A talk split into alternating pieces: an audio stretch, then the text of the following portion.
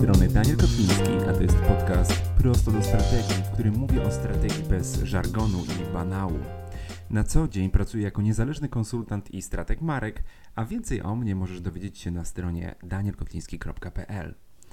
Słuchasz dziewiątego odcinka podcastu, ale już trzeciego odcinka specjalnej serii, w której rozkładam na czynniki pierwsze mój proces strategiczny, który realizuję na zlecenie marek. Cała seria składa się w sumie, mm, czy składać się będzie docelowo z czterech odcinków, za nami już trzy, jak wspomniałem. Pierwszy e, dotyczył warsztatów strategicznych i tego, czego możesz się po nich spodziewać, a także jak się do nich przygotować. E, w drugim odcinku serii, czyli w ósmym odcinku w ogóle podcastu, opowiadałem o tym, jak po naszych warsztatach zabieram się za research świata marki, a więc w jaki sposób przeprowadzam analizę strategiczną w poszukiwaniu e, ciekawych e, i wartościowych tropów. E, w tym odcinku opowiem o tym, jak te znaleziska, informacje przeobrazić w strategię z prawdziwego zdarzenia. Najpierw przypomnijmy zasady. Po pierwsze, ja jako strateg oferuję Tobie, słuchaczu, słuchaczko, proces stworzenia strategii marki. Na czas nagrania tej serii będziesz moim klientem, klientką. Po drugie, to o czym mówię, e, powstało na bazie moich dotychczasowych doświadczeń i jest aktualne na czas tego nagrania. Jeśli trafisz na to nagranie za kilka miesięcy czy lat, naturalnie elementy procesu mogą się zmienić. Jeśli współpracowaliśmy już nad Twoją strategią i słyszysz tu rzeczy, których nie wiedziałeś w naszej współpracy, to właśnie dowód na moją ewolucję, co jest naturalne i pożądane, mam nadzieję. Lećmy. Poprzednie dwa odcinki opisywały fazę analityczną w pracy stratega, czyli zbieranie danych z różnych źródeł i w różny sposób. Mówiliśmy m.in. o desk researchu czy wywiadach mm, z potencjalnymi klientami. Można to sobie wyobrazić w kształcie takiego geometrycznego diamentu. To znaczy, jeżeli w ten sposób, jeżeli takiej analogii byśmy użyli, to tą fazę analityczną można by zilustrować dwoma rozchodzącymi się z punktu prostymi, tak rozchodzącymi się na boki pod kątem 45 stopni. Czyli nazwalibyśmy tę fazę taką fazą rozszerzania. Teraz jednak przechodzimy z fazy rozszerzania, z fazy analitycznej do syntezy, czyli punktu, w którym ramiona diamentu zaczynają się schodzić. Tak? Znowu pod kątem 45 stopni, tylko do środka, tak? zawężać, aby się w końcu przeciąć w szczytowym punkcie i ten szczytowy punkt będzie oznaczać zamkniętą pracę nad strategią. Lubię wyobrażać to sobie właśnie w kształcie tej e, figury e, z jednego powodu. Można powiedzieć, że faza odkrywania E, to taka faza, kiedy musimy pochłaniać i gromadzić dużo danych, ale nie możemy tego robić w nieskończoność, choć pewnie moglibyśmy. E, zazwyczaj po paru tygodniach musimy e, postawić kropkę, jeżeli chodzi o fazę analityczną, i wziąć się za syntezę, czyli wyszukiwanie tego, co najistotniejsze, a więc zawężać nasze, nasze, nasze poszukiwania w stronę mm, jakichś konkretnych wniosków. Czyli faza syntezy to ten etap pracy, który, kiedy finalnie po pierwsze definiujemy, a po drugie kodujemy. Tak? Czyli po pierwsze wyciągamy wnioski, a po drugie używamy przemyślanych, precyzyjnych słów, którymi te wnioski zakodujemy. Tak? E, no i owocem tej, tej trzeciej fazy, mm, czy tej fazy, w której teraz jesteśmy, będzie po prostu zapisana w dokumencie strategia. Zatrzymajmy się tutaj na chwilę. Od naszych warsztatów, drogi kliencie, minęło kilka tygodni. W tym czasie zdążyłem zrobić wywiady z Twoimi klientami, być może eks-klientami i niedoszłymi klientami. Może odwiedzić ich w naturalnym środowisku. Eee, udało mi się. Od kilku tygodni zapoznaję się z tym, co robi też Twoja konkurencja, taka bezpośrednia, ale i podmioty, które świadczą podobne usługi, ale na przykład w innych krajach, na innych rynkach. Zbieram różne wycinki, screeny, notatki, zdjęcia i filmy. Przeglądam różne bazy z kampaniami reklamowymi, orientując się, co na przestrzeni lat zostało powiedziane w Twojej kategorii. Ale wychodzę też e, z tej bańki, to znaczy podążam za nowymi pojęciami, koncepcjami, podobnymi albo komplementarnymi zjawiskami, zaczytując się w Wikipedii, badaniach psychologicznych, raportach i opracowaniach. Konsumuję też kulturę. Chodzę na wystawy, wczytuję się w biogramy artystów, nieustannie poszukując sygnałów w chaosie, istotnych sygnałów w chaosie. Na tym etapie mam kilkadziesiąt, a często kilkaset mniejszych i większych skrawków informacji. Mm, lubię powtarzać, że w tej fazie nie można mieć za dużo informacji. Pracy stratega to wszystko, o czym powiedziałem, zawiera się właśnie w fazie analizy, czyli rozbierania zjawiska na części. Tak? To niezbędne, żeby no cóż, zrozumieć strukturę i istotę materii, z którą mam do czynienia. Natomiast teraz przychodzi czas na syntezę, a więc koncentrację na kluczowych elementach, które połączone dają nowe, świeże spojrzenie i kierunek działania mm, opisany w strategii. No i o tym będzie ten odcinek. Warto to podkreślić, że analiza jest przeciwieństwem syntezy. To są dwa różne etapy prac. Analiza, zbieranie danych. To jest proste. Synteza, wyciąganie wniosków. I to już jest trudniejsze, chociaż niezbędne. Dlaczego trudniejsze? Mm, wydaje mi się, że wyciągnięcie wniosku jest z zasady subiektywne, jest takim naszym betem, tak? zakładem o przyszłość, po prostu osobistym przekonaniem, że tak jak nam się wydaje, może wyglądać świat. To wymaga pewnej odwagi i w tym sensie mm, jest pewnie trudniejsze niż bezpieczne gromadzenie e, istniejących informacji, czy, czy odkrywanie pewnych istniejących informacji. Mam dane, ale co z tym zrobić dalej? Czego tak naprawdę szukać? Jak oceniać, co jest ważne, a co nie jest istotne? Myślę, że warto przyjąć pewne ogólne zasady, pewien zbiór założeń, czyli moglibyśmy powiedzieć aksjomaty mm, z takiej nomenklatury filozoficznej, które pomogą nam ukierunkować naszą uwagę. Mój zbiór takich zasad sprowadza się w sumie do trzech e, kluczowych pewnie, może byłoby ich więcej, na jakimś też pewnie podświadomym poziomie, natomiast te trzy na świadomym poziomie to po pierwsze strategia jest o zmianie. Tak? Czyli żeby strategia była strategią, musimy ustalić trzy elementy. Skąd zaczynamy, dokąd zmierzamy, czyli jaką mamy aspirację, tak, do czego dążymy oraz co jest pomiędzy, tak, co stoi nam na drodze do osiągnięcia realizacji naszych aspiracji. E, no i strategia musi charakteryzować to dążenie do zmiany, opisywać je, tak, zawierać taką, powiedziałbym, archetypiczną metaforę podróży, czyli przemiany. I to jest pierwsza wskazówka, pierwsza zasada, którą się kieruje, a na, syntetyzując e, dane, tak? Że strategia jest o zmianie, czyli, czyli szukam, e, próbuję odtworzyć drogę. Druga zasada. Strategia zawiera przekonujący opis rozwiązania problemu przy uwzględnieniu posiadanych zasobów e, podmiotu, organizacji, marki, tak? Czyli wybieramy ten problem, to wyzwanie, z którym możemy poradzić sobie z posiadanymi przez markę zasobami. I po trzecie wreszcie, mm, e, trzecia zasada brzmi sposób e, rozwiązywania problemu powinien zaskakiwać prostotą i być relatywnie unikalnym. Ja wychodzę z założenia, że nikt nie płaci mi za mówienie tego, co wszyscy wiedzą i czego oczekują. Marki płacą mi raczej za mówienie tego, co być może i wszyscy instynktownie czują, ale dopiero kiedy to usłyszą, ponieważ nigdy tego nie nazwali w sposób, który ja proponuję. Tak? Mamy takie trzy zasady, które nam przyświecają w trakcie tej, w trakcie tej pracy syntetyzującej zgromadzone wcześniej informacje. Powtórzę je. Strategia jest o zmianie. Strategia zawiera przekonujący opis rozwiązania problemu przy uwzględnieniu posiadanych zasobów. No i sposób rozwiązania problemu powinien zaskakiwać prostotą i być relatywnie unikalny. Wróćmy teraz do do syntezy. Naturalnie moją uwagę zwracać będą te informacje, które wyrażają niezaspokojone potrzeby ludzi, klientów, czasem nieartykułowane wprost, ale jednak gdzieś pomiędzy wierszami sygnalizowane przez nich.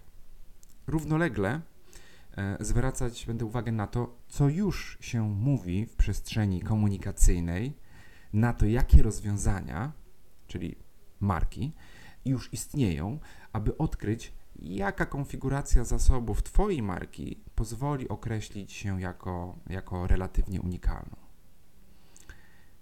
No i wreszcie będę starać się ustalić, jaki istotny problem ma branża. To znaczy, co dzisiaj wszyscy robią źle, ale udają, że problem nie istnieje. Jak mi się wyłaniają te elementy, to rozpoczynam próby narysowania między nimi połączeń. Tak? Zbudowanie przekonujących relacji, takich ciągów przyczynowo-skutkowych, mm, jest jakby to powiedzieć proces wzbogacania strategii w pierwiastek spójności. Tak? Mm, no i narzędziem, które można do tego wykorzystać, od którego warto, warto zacząć, może być manifest, czyli taki dokument spisany gdzieś tam na brudno w notesie, zawierający przemyślenia, które stanowią taki centralny punkt wyjścia do dalszych strategicznych puzli, o których zaraz e, powiem. Ten manifest powinien wyrażać nasz pogląd. Co nie gra, jaki ma wpływ to na ludzi, jakie napięcie czy konflikt e, to rodzi z tym, e, co robi aktualnie rynek i konkurencja. Tak? Mm, taki manifest może zawierać wyjaśnienie, jak mm, zasoby naszej marki stają się mocnymi stronami. Tu podkreślę, że zasób jest neutralnym, neutralnym aktywem, powiedzmy, tak? W pewnym kontekście może być słabością, a w innym no, silną stroną. I strategia marki to takie zdefiniowanie kontekstu, żeby zasoby nabrały pozytywnego mm, znaczenia. Pisałem o tym więcej w jednym z moich e, newsletterów. E, co prawda nie jest już dostępne, ale jeżeli chciałabyś o tym, chciałabyś o tym przeczytać, to odezwij się do mnie na maila czy na LinkedInie, to ci go podeślę. E, w manifestie staramy się też uzasadnić sens istnienia naszej marki, tak? Czyli znalezienie odpowiedzi, mm, po co my tu jesteśmy. Przy takim założeniu, że sens ma to tylko wtedy, kiedy dostarczamy wartość. A wartość pojawia się, kiedy organizacja, nasza firma, zaspokaja niezaspokojoną dotychczas potrzebę.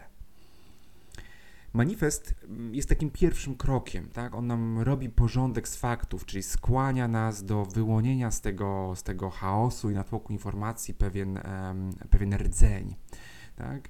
Um, kolejne kroki to powiedziałbym coraz ściślejsza synteza, czyli rezygnowanie ze zbędnych słów, redukowanie przekazu do niezbędnego minimum.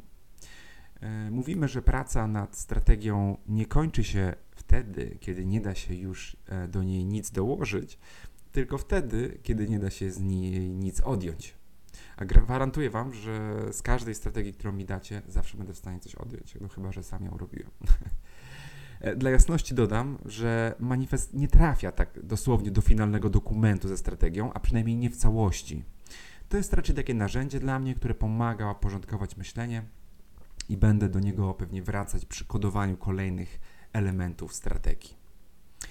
Ten element manifestu, który trafi do strategii w jakiejś pewnie zmodyfikowanej, uproszczonej formie, to kontekst, tak? czyli historia, która opowiada, w jakim momencie rozwoju kategorii się znajdujemy i na czym polega problem bohatera, czyli klienta, no i, i, i naszą sugestię, jak może albo wręcz powinna wyglądać e, rzeczywistość. Tak? Taka struktura tej opowieści sprawia, e, że po prostu wprowadzenie naszej marki w tą historię będzie jak dopasowanie idealnie puzla w brakujące miejsce. No i ten etap dokumentu zawsze wygląda inaczej, tak? To jest taki, ale jest, powiedziałbym, jest to kluczowy element, bo kiedy będę tę prezentację Wam niedługo pokazywał, od spójności, istotności i stopnia, że tak powiem, przekonywalności tej historii zależy, czy kolejne elementy mm, strategii będą Wam po prostu siadać, tak? czy będą też dla Was spójne i przekonujące. Także historia e, robi całą robotę, a przynajmniej większość. Mm, no i przy, przy zarysowywaniu tego kontekstu korzystam z technik e, storytellingowych, tak? Tutaj odsyłam chociażby do modelu StoryBrand, E, nie będę tego teraz omawiał, e, można sobie zgooglać, ale dbam też o taki, taki, taki jakby to powiedzieć, user experience slajdów, tak, które są nośnikiem tych moich, tej mojej koncepcji, tej mojej idei. Zazwyczaj jestem bardzo oszczędny w słowach, także często stosuję takie duże nagłówki na środku slajdu. Czasem umieszczam na nich tylko jedno słowo, jakieś pytanie, ale zdarza się, że korzystam też z memów albo śmiesznych zdjęć, które no nie wiem, pomagają nawiązać mi więź porozumienia z Tobą i Twoim zespołem, ale też są czytelne e, kontekstowo właśnie, właśnie dla Ciebie, coś, coś opowiadają. Chcę tylko powiedzieć, że po prostu tutaj dobór formy wyrazu jest zupełnie elastyczny, nie ma ograniczeń. E, natomiast istotne jest to, żeby, żeby przekazać, e, przekazać tą historię, ten, ten, ten, zarysować ten kontekst w taki sposób, aby wprowadzenie mm, kolejnych elementów e, strategii marki po prostu się, mówiąc kolokwialnie, spinało. Więc kiedy jestem na etapie, w którym mam złapaną na kilku slajdach przekonującą historię o tym, co nie gra w branży, ale też o tym, czego po cichu pragną klienci, wprowadzam pierwszy taki niezbędny element strategii, a jest nim positioning statement. Hmm, czyli takie zdanie albo kilka krótkich zdań, które zawierają e, cztery elementy. Po pierwsze, czym my się właściwie zajmujemy, tak? Po drugie, w jakiej kategorii konkurujemy.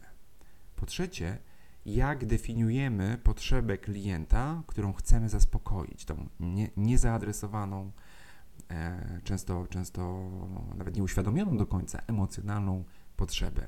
No i po czwarte, czwarty, czwarty element, na czym polega unikatowość w zaspokajaniu tej potrzeby. No i te, te, te elementy składają się właśnie na taki positioning statement, to jest zdanie albo kilka krótkich zdań, które e, dobrze wykuć na pamięć, bo to jest ten przekaz, który, e, który będzie definiował i informował no prawdopodobnie każdą kreację, kampanię i aset komunikacyjny później w trakcie realizacji. To jest taki, to jest taki fundament, takie sedno, można by powiedzieć, że to jest taki gotowy tekst na zakładkę o nas. Mm, I, i właśnie o to, to, o to mi chodziło, kiedy mówiłem o tym, że strategia musi, czy te kolejne elementy strategii muszą się wpisywać dobrze w ten kontekst, e, który wcześniej zarysowaliśmy. Ten kontekst sytuacji rynkowej, tak? kontekst opisuje pewne wyzwanie, a positioning statement stanowi niejako odpowiedź, naszą receptę. E, I to jest spójne z wykładnią Richarda Rumelta, tak? E, czyli w procesie diagnozy a więc analizy świata marki, na które składają się analiza zasobów własnych, otoczenia konkurencyjnego, kultury i klientów. W tym procesie diagnozy odgrywa, odkrywamy problem, a positioning statement jest tak jakby rozwiązaniem, tak? Czyli positioning statement uzasadnia istnienie naszej firmy w świecie, tak? Istniejemy po to, aby zaspokoić jakąś realną ludzką e, potrzebę, która aktualnie nie jest adresowana przez m, mm, konkurencję. To dlatego, wiecie, w sieci znajdziecie sporo takich mm, frameworków, jak ten positioning statement zapisać, ale na nic się zda takie e, usiądźmy i coś tam wpiszmy, to będzie zupełnie bez sensu, ponieważ ten positioning statement musi się w przekonujący, ścisły sposób wiązać, łączyć e, z kontekstem rynkowym, na który się składa no, sytuacja w kategorii oraz, oraz potrzeby konsumentów, tak, więc, e, więc bez analizy tych elementów e, nie jesteście w stanie stworzyć positioning statementu, statementu, znaczy jesteście w stanie, ale na pewno nie takiego, który miałby sens i byłby rzeczywiście przydatny. Kolejnym puzzlem w tej strategii marki jest u mnie po positioning statemencie misja i wizja, a raczej wizja najpierw, a potem misja. Wizja, czyli odpowiedź na pytanie, jakiego świata chcemy, tak? na czym ma polegać impact, e, który wnosimy do świata albo w życie naszych e, klientów, e, ale ta wizja może być też taka mm, firm, firmowo-centryczna, tak? nie, nie musi dotyczyć świata. Natomiast misja jest odpowiedzią na pytanie, jaką postawę przyjmiemy jako organizacja, aby ten impact z wizji zrealizować treści i pewnie vlogów i podcastów na temat tego, czym jest misja i wizja, znajdziecie pewnie bez linku. To jest też taka, archetypiczna dyskusja wieczna, e, czym są te elementy i jak je zdefiniować. Ja je definiuję właśnie tak. Dla mnie kluczowe jest logiczne powiązanie między jednym i drugim. Tak? Wizja opowiada o, o tym, jakiego świata chcemy, a misja mówi, jak de facto tą wizję zrealizujemy w taki, w taki ponadczasowy sposób, jaką, jaką postawę przyjmiemy. Tak? I, I te elementy te dwa elementy e, są wstępem do e, value proposition i to jest e, po positioning statementu, po positioning statemencie i po misji i wizji. Trzeci puzzle, czyli value proposition, a więc odpowiedź na pytanie, na czym polega główny taki emocjonalny benefit dla klientów z istnienia naszej marki, tak?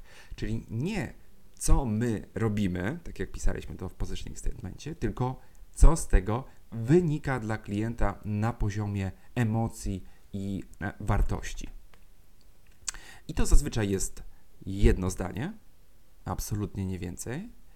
E, I to jest też taki, taki komunikat, który, o ile positioning statement jest takim, powiedziałbym, fundamentem do tworzenia pewnych przekazów, o tyle value proposition mm, może być takim, mm, takim wręcz sloganem, claimem, hasłem reklamowym, czymś, co rzeczywiście może pojawiać już bezpośrednio w komunikacji. Mm, w komunikacji. Natomiast value proposition samo w sobie nie byłoby nic warte, gdyby nie było wsparte, to się nawet rymuje, benefitami, tak? czyli E, dla mnie to są korzyści racjonalne, e, które wynikają z funkcji naszego produktu albo, mm, albo usługi. Tak? Więc jeżeli value proposition jest dachem, to benefity stanowią ściany, tak, czy fundament, e, na których ten dach stoi. Mm, I tych benefitów zazwyczaj dookreślam od 3 do 6. E, I z tą obietnicą wartości i z benefitami to, to w sumie tworzy taką, taką spójną propozycję wartości, czyli adresujemy zarówno potrzeby emocjonalne, jak i też pomagamy klientowi zracjonalizować decyzję o wyborze naszej marki poprzez dostarczenie mu przekonujących, racjonalnych korzyści, czyli znowu to, co on zyskuje. Korzystając z, z, naszej usługi czy, czy z funkcji naszego produktu. Czyli po positioning statemencie misji, wizji, value proposition i benefitach przychodzi pora na e, tone of voice, kolejny puzzle. Powiedziałbym, że to jest taki u mnie przynajmniej ostatni e, zasadniczy e, element e, składający się na strategię marki, na jej core, m, będący jednocześnie pomostem, takim przejściem do, mm, do strategii komunikacji, którą też zazwyczaj w tym, w tym dokumencie jednym umieszczam. Tone of voice opisuje tożsamość marki, tak? czyli jacy i kim jesteśmy, będziemy w komunikacji.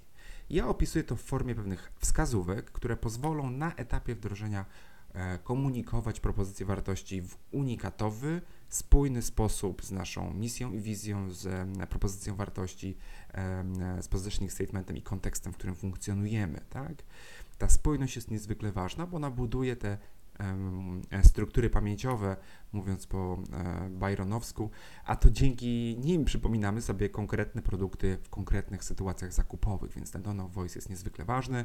E, zazwyczaj robię to w taki sposób opisowy, podaję też przykłady pozytywne, negatywne pewnych komunikatów, a także dołączam coś, co można by nazwać moodboardem i antymoodboardem, czyli takim dodatkową wizualizacją tego, E, jak chcielibyśmy wyglądać, e, że tak powiem, w tej warstwie estetycznej e, w komunikacji, na przykład w mediach społecznościowych czy gdziekolwiek indziej.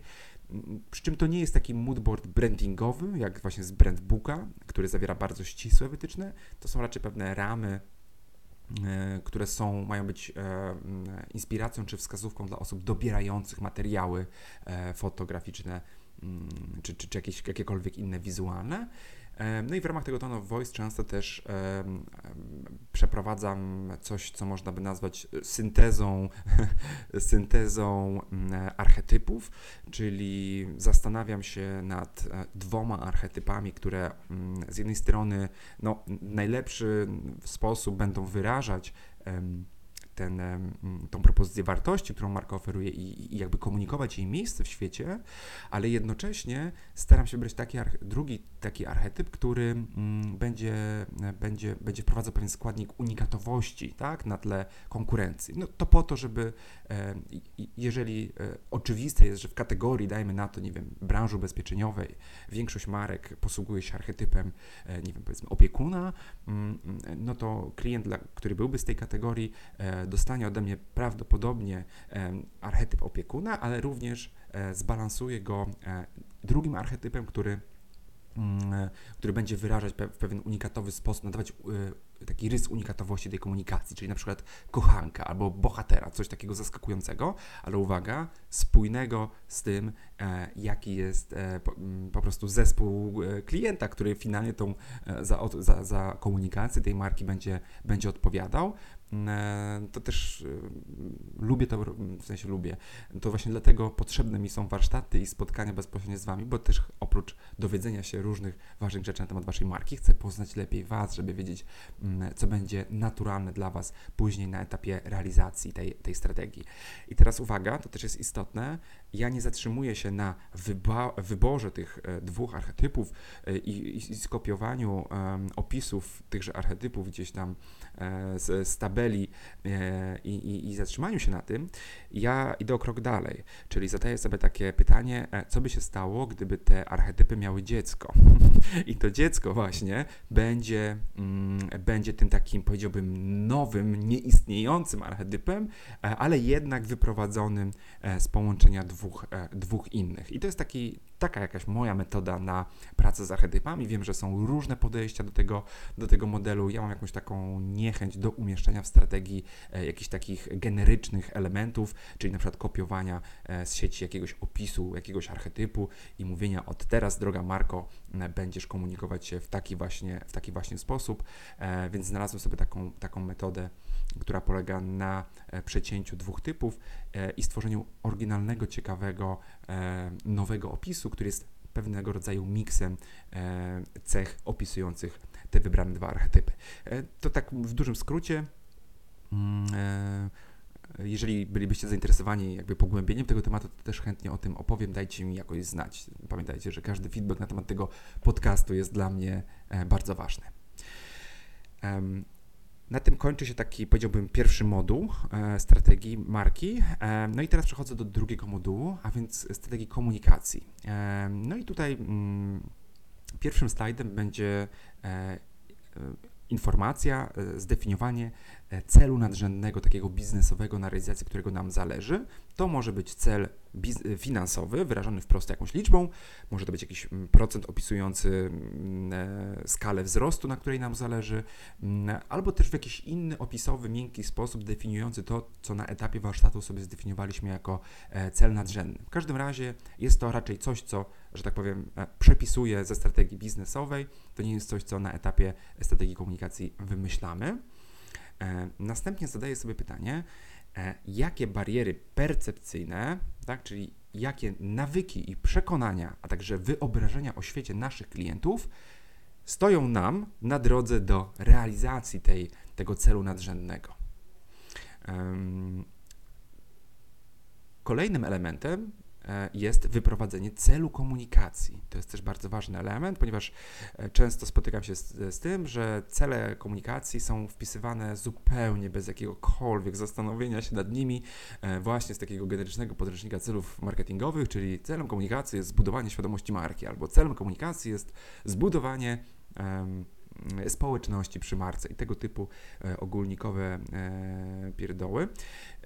Dla mnie cel komunikacji ma swój cel. To jest takie masło maślane, ale chodzi mi o to, że cel komunikacji będzie informować kreację, czyli, czyli, czyli, czyli organ wdrażający strategię, na czym ma się e, skupić, e, w jaki sposób ma ukierunkować swoją kreatywność. Zatem cel komunikacji brzmiący zbudować świadomość marki nijak nie mówi kreacji, o czym ma być komunikat, ale już stwierdzenie e, pokonać barierę percepcyjną poprzez zbudowanie określonego wizerunku marki, tak? skojarzenie jej z jakimś konkretnym atrybutem, który pozwoli nam pokonać tą barierę percepcyjną, którą wcześniej sobie zdefiniowaliśmy, to już daje wyraźną wskazówkę do tego, w jaki sposób ta kreacja powinna być ukierunkowana. E, więc bariera percepcyjna determinuje nam cel komunikacji. Z kolei z celu komunikacji wprost będzie wynikać mm, e, coś, co można by nazwać big idea, a więc taka parasolowa koncepcja, mm, zwana też mm, platformą marki, tak? czyli na przykład e, tytuł urządzisz IKEA jest taką, czy było taką big idea, tak? To było hasło, również claim reklamowy, ale nie tylko, bo z tego, z tego hasła e, wyrastały pomysły na kolejne kampanie, tak? Więc w ukuciu tej Big ID, Big ID mm, chodzi o to, żeby, mm, e, żeby kreatywnie przez dłuższy czas, czas e, móc tą mm, właśnie ideę reinterpretować, tak? I oczywiście ta Big Idea musi pomóc nam realizować cel E, komunikacji. E, więc e, wyobraźmy sobie, że widziałem ostatnio takie plakaty na mieście. Zdaje się, że z, jedna z aplikacji taksówkarskich mm, rozwiesiła billboardy na mieście, które informowały przechodniów o tym, że ich kierowcy są bardzo restrykcyjnie weryfikowani pod kątem uprawnień, pochodzenia, jakiegoś takiego backgroundu po to, żeby zapewnić maksimum bezpieczeństwa e, używającym tych przejazdów. E, no i teraz e, można pewnie dojść do wniosku, że pewną barierą percepcyjną, pewnym przekonaniem e, nabywców, sądząc po tych billboardach, było to, że po prostu przejazdy z tą aplikacją taksówkarską są niebezpieczne. Tak? To było coś, co realnie blokowało tą firmę przed realizacją ich celów biznesowych. Stąd big Idea, nie, nie, ma, nie, nie wiem pojęcia jaka była Big Idea, ale można by powiedzieć e, z nami jeździsz bezpiecznie, dajmy na to, tak? I to jest jakiś taki koncept, właśnie taka duża idea, pojemna, z której następnie wyrasta seria e, na przykład billboardów, spotów reklamowych i innych asetów komunikacyjnych, tak? I ta Big Idea spaja nam je tematycznie. Mm, z Big ID może, możemy wyprowadzić claim, czyli taki hasło reklamowe, czyli coś, co fizycznie pojawia się no, na przykład na tych przysłowiowych billboardach. E, czasami Big Idea jest tak sformułowana, że można to wręcz wykorzystać jako hasło reklamowe. Czasami jest e, skrótowa, jest jednym słowem albo dwoma, e, no i wymaga, e, i to nie jest coś, co, co chcemy pokazać na billboardach, to jest tylko coś do komunikacji wewnętrznej, coś, co ma właśnie ukierunkować e, kreację, e, więc, więc jeżeli tak jest, no to wtedy ten claim proponujemy. Ja, ja zazwyczaj staram się mm, e, tak formułować Big Idea, żeby ona była jednocześnie e, gotowym claimem komunikacyjnym. E, I finalnie mm, ostatnim elementem determinowanym przez te wszystkie poprzednie są mierniki sukcesu kampanii czy, czy komunikacji. Tak? Czy odpowiadamy sobie na pytanie, jakiego rezultatu oczekujemy, czy jakie mierniki będziemy monitorować, mierniki sukcesu, aby odpowiedzieć sobie na pytanie, czy ta komunikacja zdaje egzamin i cały ten koncept ma sens czy nie. Mm, e, I oczywiście te, te, te KPI mogą być różne. Ja zachęcam do tego, żeby było ich kilka i żeby maksymalnie powiązać się w logiczny sposób z celem komunikacji, tak? E, więc jeżeli zamierzamy zbudować określone przekonanie czy skojarzenie z marką, no to naszym zadaniem e, będzie przeprowadzenie badań e, ilościowych, które, uwaga, uwaga, nie kosztują naprawdę miliony monet i w budżecie każdej e, średniej i większej firmy powinien się na to mm, budżet znaleźć weryfikujemy przed uruchomieniem działań i po roku na przykład, mm, jakie, jakie są tego efekty. Tak? Jeżeli e, nasza komunikacja ma doprowadzić do tego, że na przykład zakupy będą u nas robić, będzie u nas robić nowy segment klientów, no to wtedy KPI musi być, e, musi pomóc nam monitorować, czy rzeczywiście w naszym e, sklepie, czy tak, do, zakupu dokonują klienci z tego nowego segmentu. I tak dalej, i tak dalej. Tak? Czyli to jest ten etap, kiedy nad tym się zastanawiamy. I czyli podsumowując, komunikacja, e, strategia komunikacji to jest, to jest dla mnie wręcz tabela na jednym slajdzie, która składa się z pięciu kolumn, pierwsza czy sześciu, zaraz zobaczymy. Pierwsza to cel biznesowy, następnie zadaję sobie pytanie, e, co stoi nam na drodze w kontekście nawyków i percepcji klientów, co uniemożliwia nam realizację tego celu, czyli bariery percepcyjnej, to jest druga kolumna. Potem trzecia kolumna, ok, czyli skoro mamy takie problemy z barierami percepcyjnymi, to jak powinien, jaki powinien być cel komunikacji, tak? Jakiej zmiany oczekujemy? I to jest trzecia kolumna. A następnie zadajemy sobie pytanie, ok, czyli jeżeli taki mamy cel do zrealizowania, to jak sformułujemy e, platformę komunikacyjną, tak? ten kreatywny element, e, o czym będzie nasza e, kampania. I to jest czwarty element, czwarta kolumna, można powiedzieć. E, potem mamy claim, ewentualnie, jeżeli osobno to jest e, składnik. I finalnie e, ostatnia kolumna tej tabeli to KPI, czyli po czym poznamy, że ten pomysł na komunikację mm, odniósł jakiś skutek. Tak? I to rzeczywiście zwracam tu uwagę, że te elementy jedne z drugich wynikają.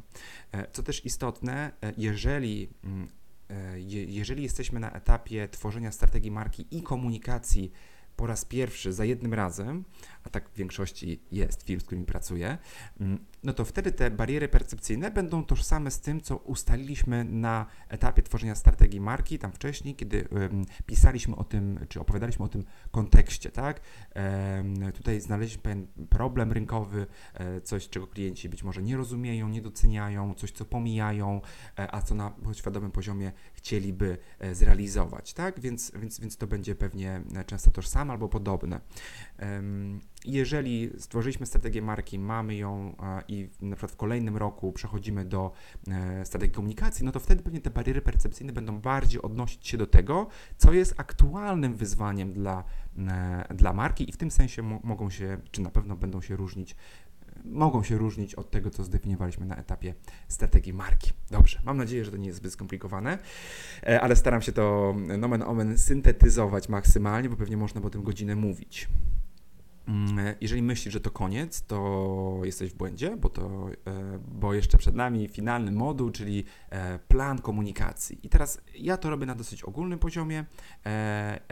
To też będzie, mm, szczegóły tego będą mm, tematem kolejnego odcinka tego podcastu, ale strategie, które tworzę, zazwyczaj zawierają, czasami zawierają opis koncepcji kreatywnej, kampanii launchującej tą strategię, chyba że umawiamy się, e, że macie ograniczone zasoby i zanim w ogóle przejdziecie do jakichś takich większych kampanii, chcecie uruchomić komunikację ongoingową i to na, na, jeżeli, jeżeli, jeżeli opisujemy sobie koncepcję e, komunikacji ongoingowej, codziennej, na przykład w mediach społecznościowych, to ten plan komunikacji składa się dla mnie z pięciu elementów. Po pierwsze, w jakich kanałach zamierzamy się pojawić, E, i też krótko uzasadniam, dlaczego właśnie w takich.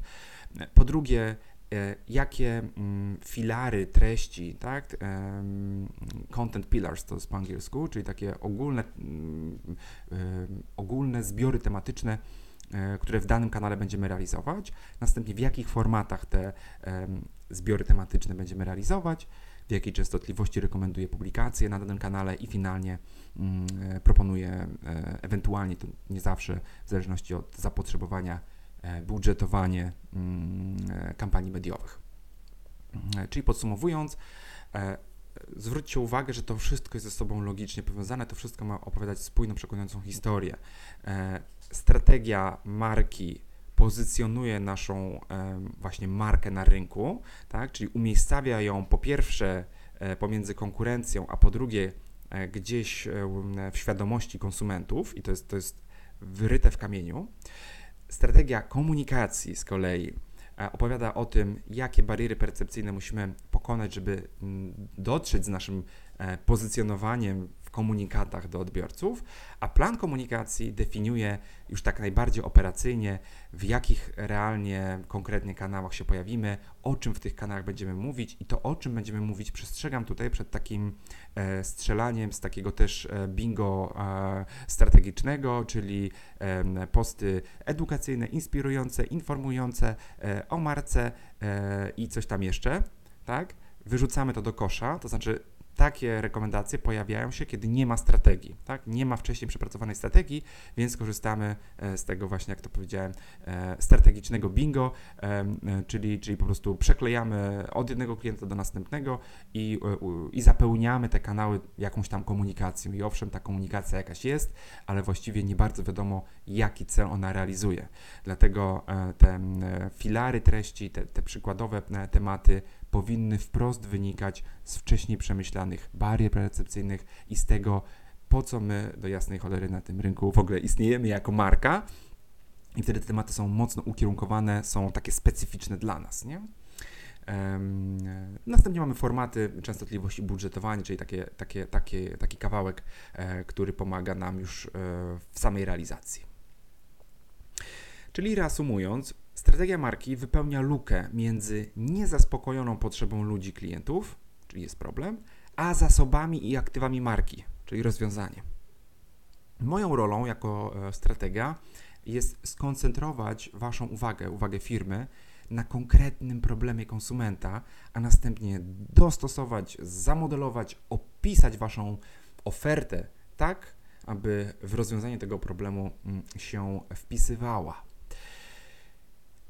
Takie założenie implikuje, że ten funkcjonalny benefit, namacalna cecha produktu albo usługi jest takim commodity, jest, jest, jest powszechnym towarem i może być wykorzystana do zaspokojenia bardzo różnych potrzeb emocjonalnych. E, tak długo, jak długo nie, nie podejmiemy jakiejś decyzji w tej, w tej kwestii. Tak mówiąc metaforycznie, możemy mieć samochód, który do setki rozpędza się w 3 sekundy. Ale teraz pytanie, czy ten feature pomaga poczuć nam adrenalinę, czy uciec przed zagrożeniem? Od nas, czyli od marki, e, właśnie to zależy, tak? Czyją potrzebę chcemy zaspokajać? Gdzie nasze kompetencje, nasze zasoby e, zyskują znaczenie i właśnie z zasobów stają się mocną stroną. Ja wręcz sobie wyobrażam, że można rozdzielić znaczenie obiektu od obiektu. I kiedy to zrozumiemy, to możemy tak zamodelować to znaczenie, że będzie zaspokajać ono mm, e, inne potrzeby, niż nawet wskazywałaby pierwotna funkcja obiektu. Na marginesie to się wiąże chyba w jakiś sposób z koncepcją e, dekonstrukcji e, Jacques'a Derrida, francuskiego filozofa, który mówił właśnie o tym, że język jest pełen niejednoznaczności i, i poprzez dekonstrukcję właśnie można docierać do mniej powszechnych e, znaczeń języka właśnie i, i, i, kultury i w pewnym sensie e, trochę o tym mówię. Mam nadzieję, że, e, że jeszcze ze mną jesteście.